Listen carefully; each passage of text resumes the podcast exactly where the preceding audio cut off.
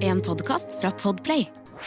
David Bowie, geni og stifinner. I didn't strive for success. I strive to do something artistically important. Her er Finn Bjelke.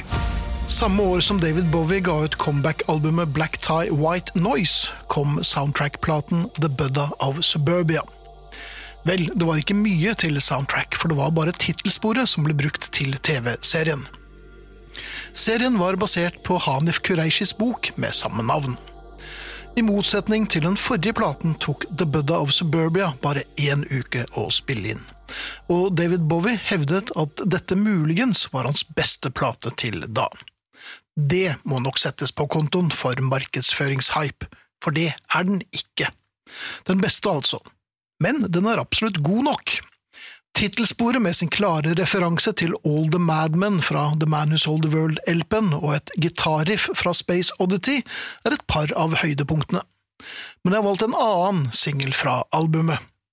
Vel, det er faktisk en singel fra det neste albumet, Outside, for Bowie var ikke helt fornøyd med verken miksen eller mottagelsen av Budda-LP-en.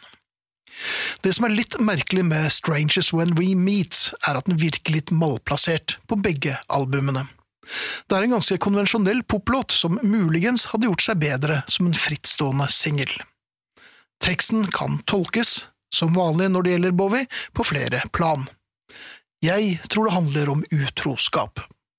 Tekstfragmenter som Halfway Sadness Dazzled by the New, Your Embrace Was All That I Fade og I'm With You So I Can't Go On viser en mann fordreid av forelskelse og sorg over valget han må ta. Klassisk og universell problemstilling, og fremført av David Bowie, blir det mye mer enn en utslitt klisjé. For hovedpersonen omfavner sin situasjon. Svimmelheten, håpløsheten, farveløsheten og lidenskapen de bare kan vise bak låste dører. Dette er en underkjent og til og med ukjent Bowie-låt for mange, og det har jeg tenkt å gjøre noe med her på Radio Vinyl.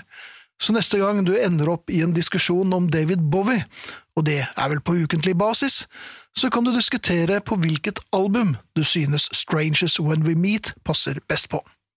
Akkurat nå passer den ganske fint her, synes jeg.